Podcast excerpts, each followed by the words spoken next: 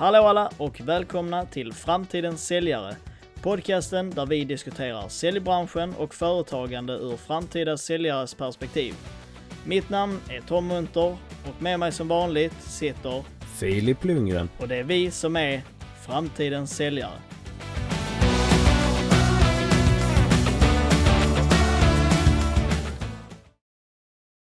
Hallå alla och välkomna tillbaka till Framtidens säljare. Visste ni att 2018 så upphandlades det i Sverige till ett värde av 782 miljarder kronor. Detta tar alltså upp en femtedel av Sveriges BNP. Är inte det helt galet? I dagens avsnitt gästas vi av Ronny Ågren. Där kommer ni bland annat få lära känna Ronny, hur Tendium kan hjälpa er i anbudsarbetet och dessutom får ni nycklarna till hur man lyckas med offentlig upphandling. Men nu tycker jag att vi kör igång.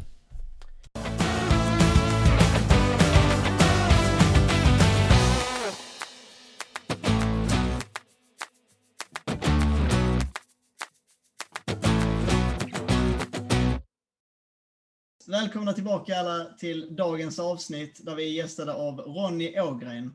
Filip, vill du köra en liten snabb eh, informativ eh, radering? Absolut.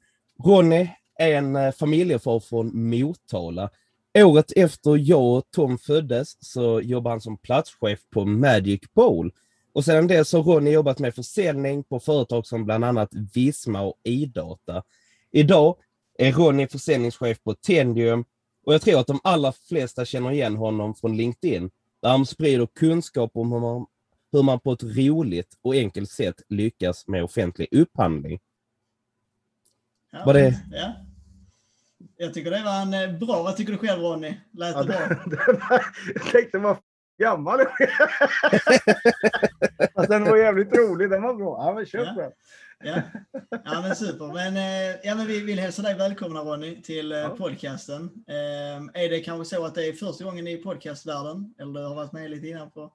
Nej, det är faktiskt min första gång. Jag vill ändå- Någon gång alltid vara den första. Det känns tryggt att vara med er som pratar sälj också. Så det känns Ja. riktigt roligt. Ja. Super. Ja. Ja, men vi, vi fick ju höra lite där av Filip. Eh, vi har ju lite koll på dig Ronny. Eh, och, eh, men en första fråga som vi är väldigt intresserade av att höra. Hur är du Ronny liksom privat och så utanför säljyrket? Om du vill liksom gå in lite där på, på, på det. Och de som följer mig på LinkedIn tror jag vet vem jag är privat. Men eh, mycket i mitt liv hamnar faktiskt åt för, vad är det nu? Ett och ett halvt år sedan, nästan två år sedan är det väl, fick jag ett konstigt brinnande intresse för hästar då min dotter började rida. Så allt i vårt liv numera, vår familj, handlar om att kretsa kring och vara ute hos hästen sex dagar i veckan faktiskt. det har blivit mitt nya jag, men den känner man sig själv att man har faktiskt otroligt mycket lärdom och nytta. Jag tänker inom säljyrket, hur, vad tycker du är viktigt där, alltså för dig Ronny, för att du ska liksom kunna trivas och hur vill du arbeta? Och, Ja, menar du så?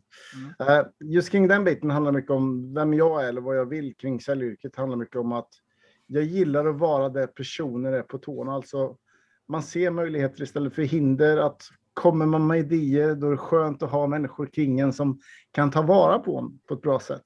Mm. Så det är som min pappa alltid har sagt, se till att umgås med folk där du egentligen kommer till bäst beakt. För att jag har aldrig gått i skola på det sättet som många av andra mina kollegor har gjort som har gått Handels, handel, KTH och allting i ett fina. Men att eh, man gör ju olika saker och för att kunna jobba på olika saker då behöver man även kunna olika saker. Och det är det jag känner mig hemma att när jag får jobba med folk som har specialkompetens inom olika områden, det gör att jag som person växer och att alla kring oss egentligen i det teamet vi jobbar blir bättre och jobbar mer som ett team. Så det är väl lite kring hur jag är. ja. Ja, per- perfekt. Jag tänkte, du, du jobbar ju på eh, Tendium nu. Yes. Och eh, vill du gå in lite på vad, vad, vad du gör där och vad ni gör på Tendium rent allmänt?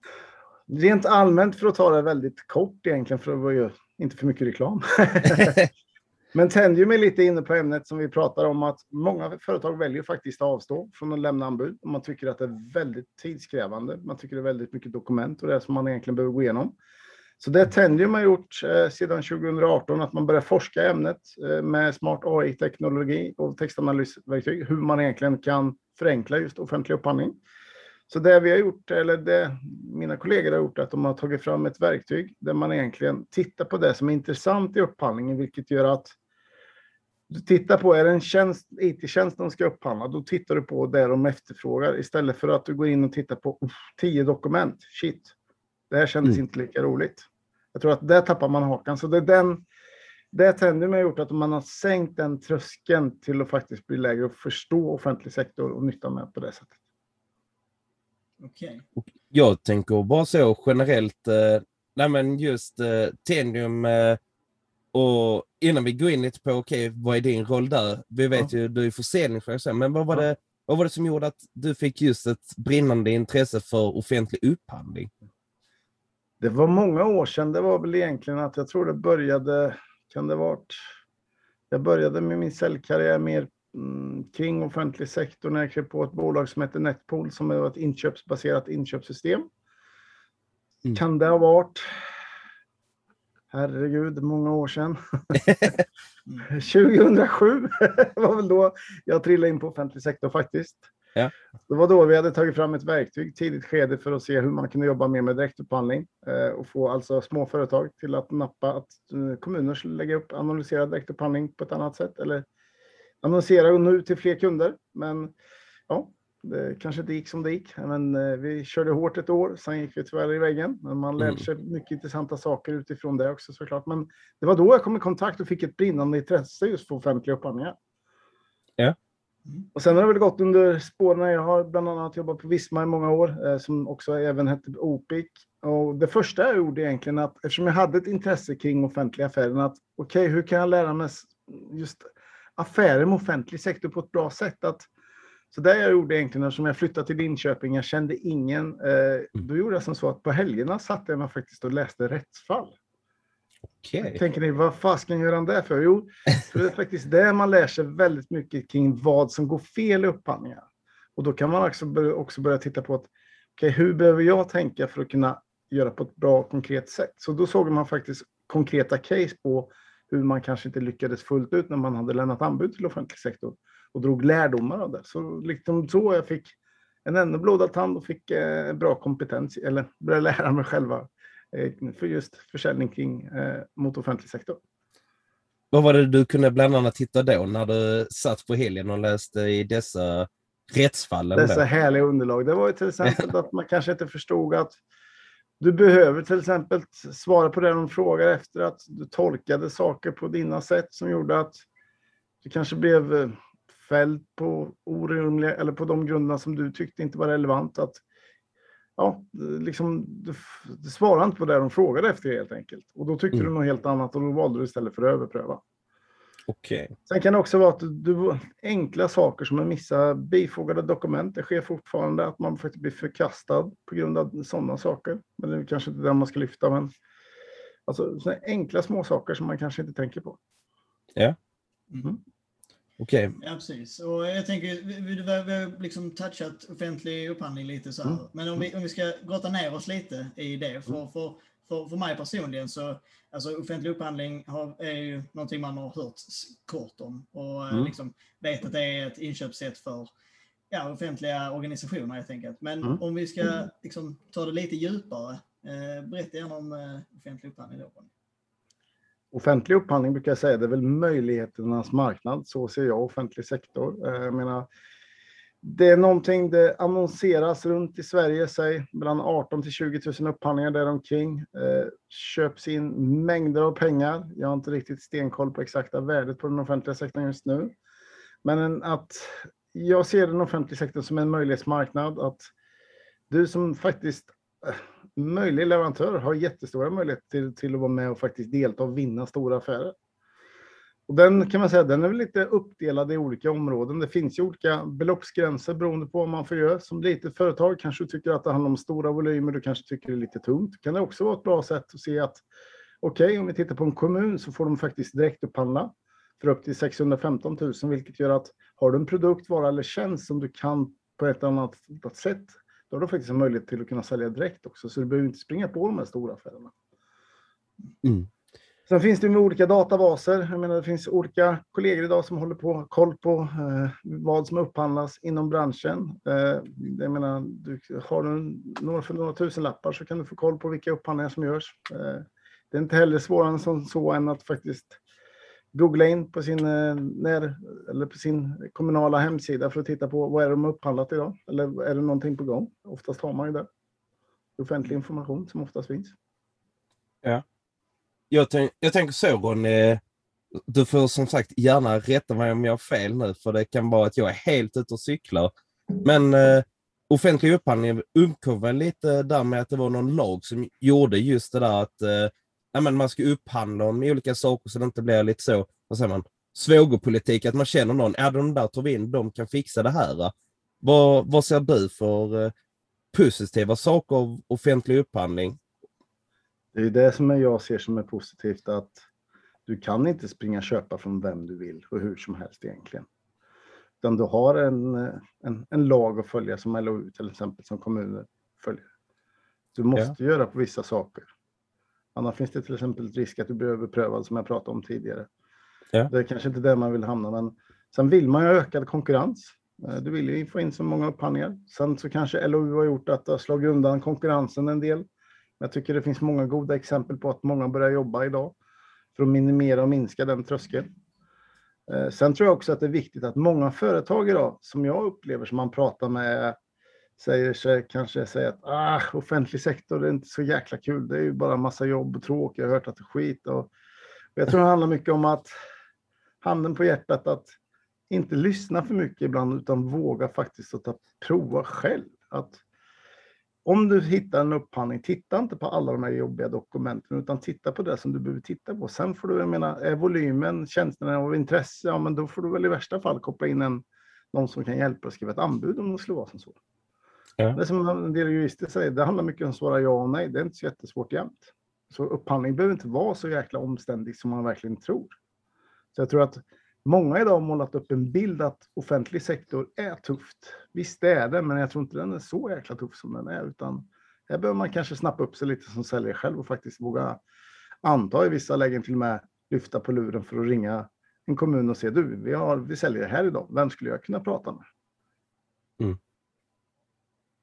Sen såklart eh, är det följer beloppsgränser som gör att man måste upphandla och då menar då får man ju liksom vara koll på när affären kommer ut och se till att lämna anbud när man väl är där.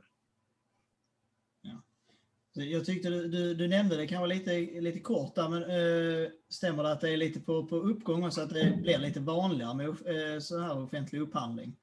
Äh, Konkurrensen? Ja, konkurrensen har väl ökat lite grann vad jag förstått. Jag har inte koll på siffrorna helt och hållet, men den har ju ökat. Och mm.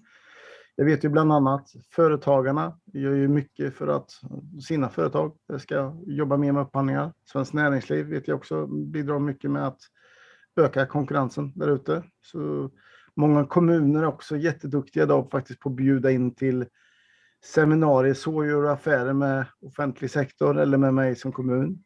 Mm. Och det är ju, menar, som säljare så är det jättebra att springa på sånt. Lyssna. För det är en otroligt stor marknad idag som man kanske inte tänker på eller som kanske inte riktigt får den chansen som den är värd att få.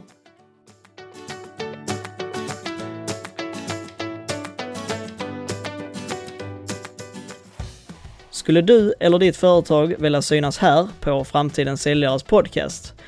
Då gör du så att du kontaktar oss på framtidensally.gmail.com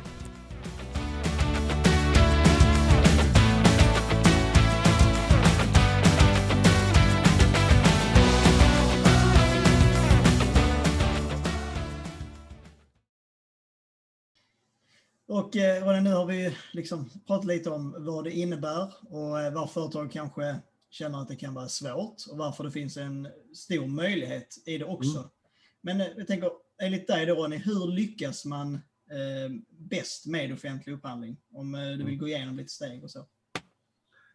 Framförallt när man pratar sälj, alltså vad behöver jag som säljare tänka på? Jo, det är framförallt ta reda lite på att gör din marknadsanalys, liksom ha koll på läget. när upphandlar de dina varor och produkter senast? Och tänk på att om du ska ringa och prata med kunden, kolla redan, okay, 9 till 18 månader innan behöver du faktiskt vara där och ha en dialog och det du kan göra då att för att prata klarspråk eller ren svenska, eh, att du kanske inte är expert på LOU, men det behöver man inte vara, utan prata lite utifrån din erfarenhet och din bransch, utan vilka relevanta krav tycker du som behöver ställas? De kanske inte ställde det här förut, vilket gör att då kanske inte man som köpare får det här riktigt utfallet som man önskar sig.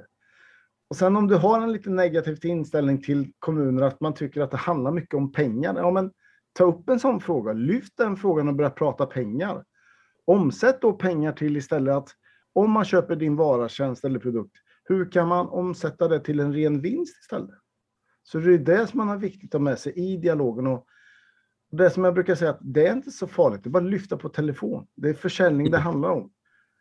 Sen är det väl såklart väldigt viktigt för er att ska man jobba med sälj, då gäller det såklart att ha lite kompetens. Och den kompetensen handlar inte om att du springer på någon utbildning som sträcker sig under 6, 7, 8 månader, utan det kan faktiskt räcka att du anmäler till ett kostnadsfritt webbinar som din kommun oftast håller i. Eller så kan du gå en endagarskurs eh, eller halvdagskurs kring LOU bara så du får en rätt grundförutsättningar för att mm. göra bra affärer. Ja, precis. Ja, nej, för, ehm, för eh, det är ju det är inte så vanligt kanske att man får, får lära sig om detta alltså, alltså i skolan eller innan. Men du nämnde ju kanske det liksom att alltså, du hade ingen så speciell alltså, säger man, utbildning kring detta. Eh, vad, vad gjorde du själv Ronny när du skulle lära dig om att få den här kompetensen? För det första handlar det väl om i början när jag inte visste vad LOU var eller någonting, utan det handlar mer om att jag faktiskt började ringa kommunen för att sälja in våran, vårat inköpssystem som vi hade på den tiden för många, många år sedan. Men sen när jag väl började förstå så var det också att jag ville lära mig mer och då läste jag lite kring överprövningar, kanske lite ett udda case, men det var faktiskt lärorikt och intressant. Men sen har jag haft turen under alla år och jobbat med väldigt kompetenta jurister inom området. Jag har en mentor bland annat som heter Johan Svedberg som har följt i alla år, som har lärt mig otroligt mycket. Men sen har jag också gått skola såklart. Jag har gått IOM Business School, eh, gick en utbildning som heter Public Bid Manager. Där har jag lärt mig otroligt mycket. Men sen det som det handlar mest om, som jag lärt mig mest av, det är alla dialoger jag har haft där ute såklart. Det är då man verkligen lär sig. Och sen när fasken, det är inte så jävla farligt att ringa upp en upphandlare. Många tycker att det är livsfarligt, men uh, nej, lyft, prata med dem. De, de, är inte farliga, de är människor, jag lovar. Ja. Yeah. Ja, bra. Jag tänker vi, vi har ju egentligen en eh, så här, signaturfråga också. Eh, mm. Jag tänker att du kommer ha väldigt unikt och bra svar Ronny, det kan jag tänka mig i förhand. Så här. Och eh, det är egentligen eh, hur framtidens säljare ser ut. Mm. Uh, menar generellt? Ronny, spill nu. Hur ser framtidens säljare ut? Vad, liksom så, vad är dina tankar när du hör det? Hur tror du att säljare kommer att se ut i framtiden? Jag tror säljare, hur kommer säljare se ut? Ja du, den frågan är fasken svår. Framtidens säljare? Jobbar mer med offentlig upphandling kanske? Ja, det tror jag. Våga öppna upp sig, se, se fler vyer, att fasken hjälpa till. Det, det jag ser att framtidens säljare behöver också vara ett nav i ett framgångsrikt koncept för att bygga framgångsrika företag om man ska bli duktig till offentlig sektor. För idag är det faktiskt många företag där ute som lägger ett stort ansvar på den som är anbudsansvarig. Alltså man sätter sig och jobbar väldigt reaktivt och väntar på att upphandlingen är ute. Det är då du sätter igång med själva arbetet. Och som säljare så har du ett stort ansvar genom att kunna påverka kommande affärer som kommer att komma. Och det är ju där ditt säljarbete, så jag ser att de som är framtidens säljare, det är faktiskt de som är duktiga på att samarbeta med just anbudsorganisationen för att se att hur ska vi tänka, vad behöver jag förmedla, ja, hur ska vi komma ifrån det lägst pris som vi tycker är så tråkigt, till exempel. Mm. Det tror jag framtidens säljare, där har man någonting stort att lyckas med. Så man kan sammanfatta det lite som så att du tror framtidens säljare kommer hela tiden vara i framtiden. Ja, det gäller liksom keep out the box, titta utanför hela tiden, våga utmana dig själv. Eh, hjälp kunderna till att upphandla rätt också. Finns där som ett stöd. Var en rådgivande part. Mm. Mycket bra. Sen, sen, tycker jag något som är extra bra med offentlig sektor. Alla säljare är alltid duktiga på att prata pipe, man ska göra analyser och allting sånt offentlig sektor, det är ingen annan källa du kan hitta så mycket information. Du kan till exempel hämta ut leverantörsreskontra. Vet du att du har en kund, då kan du faktiskt säga att din konkurrent säljer till Motala kommun. Då kan du begära ut eh, leverantörsreskontra och se hur mycket, den, hur mycket det företaget säljer för.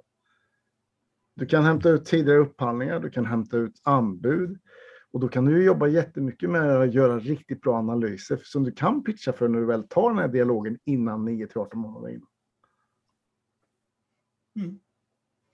Ja, det är riktigt bra Ronny och eh, tack för att du har velat eh, medverka på eh, Framtidens säljare och tack för dina fina svar.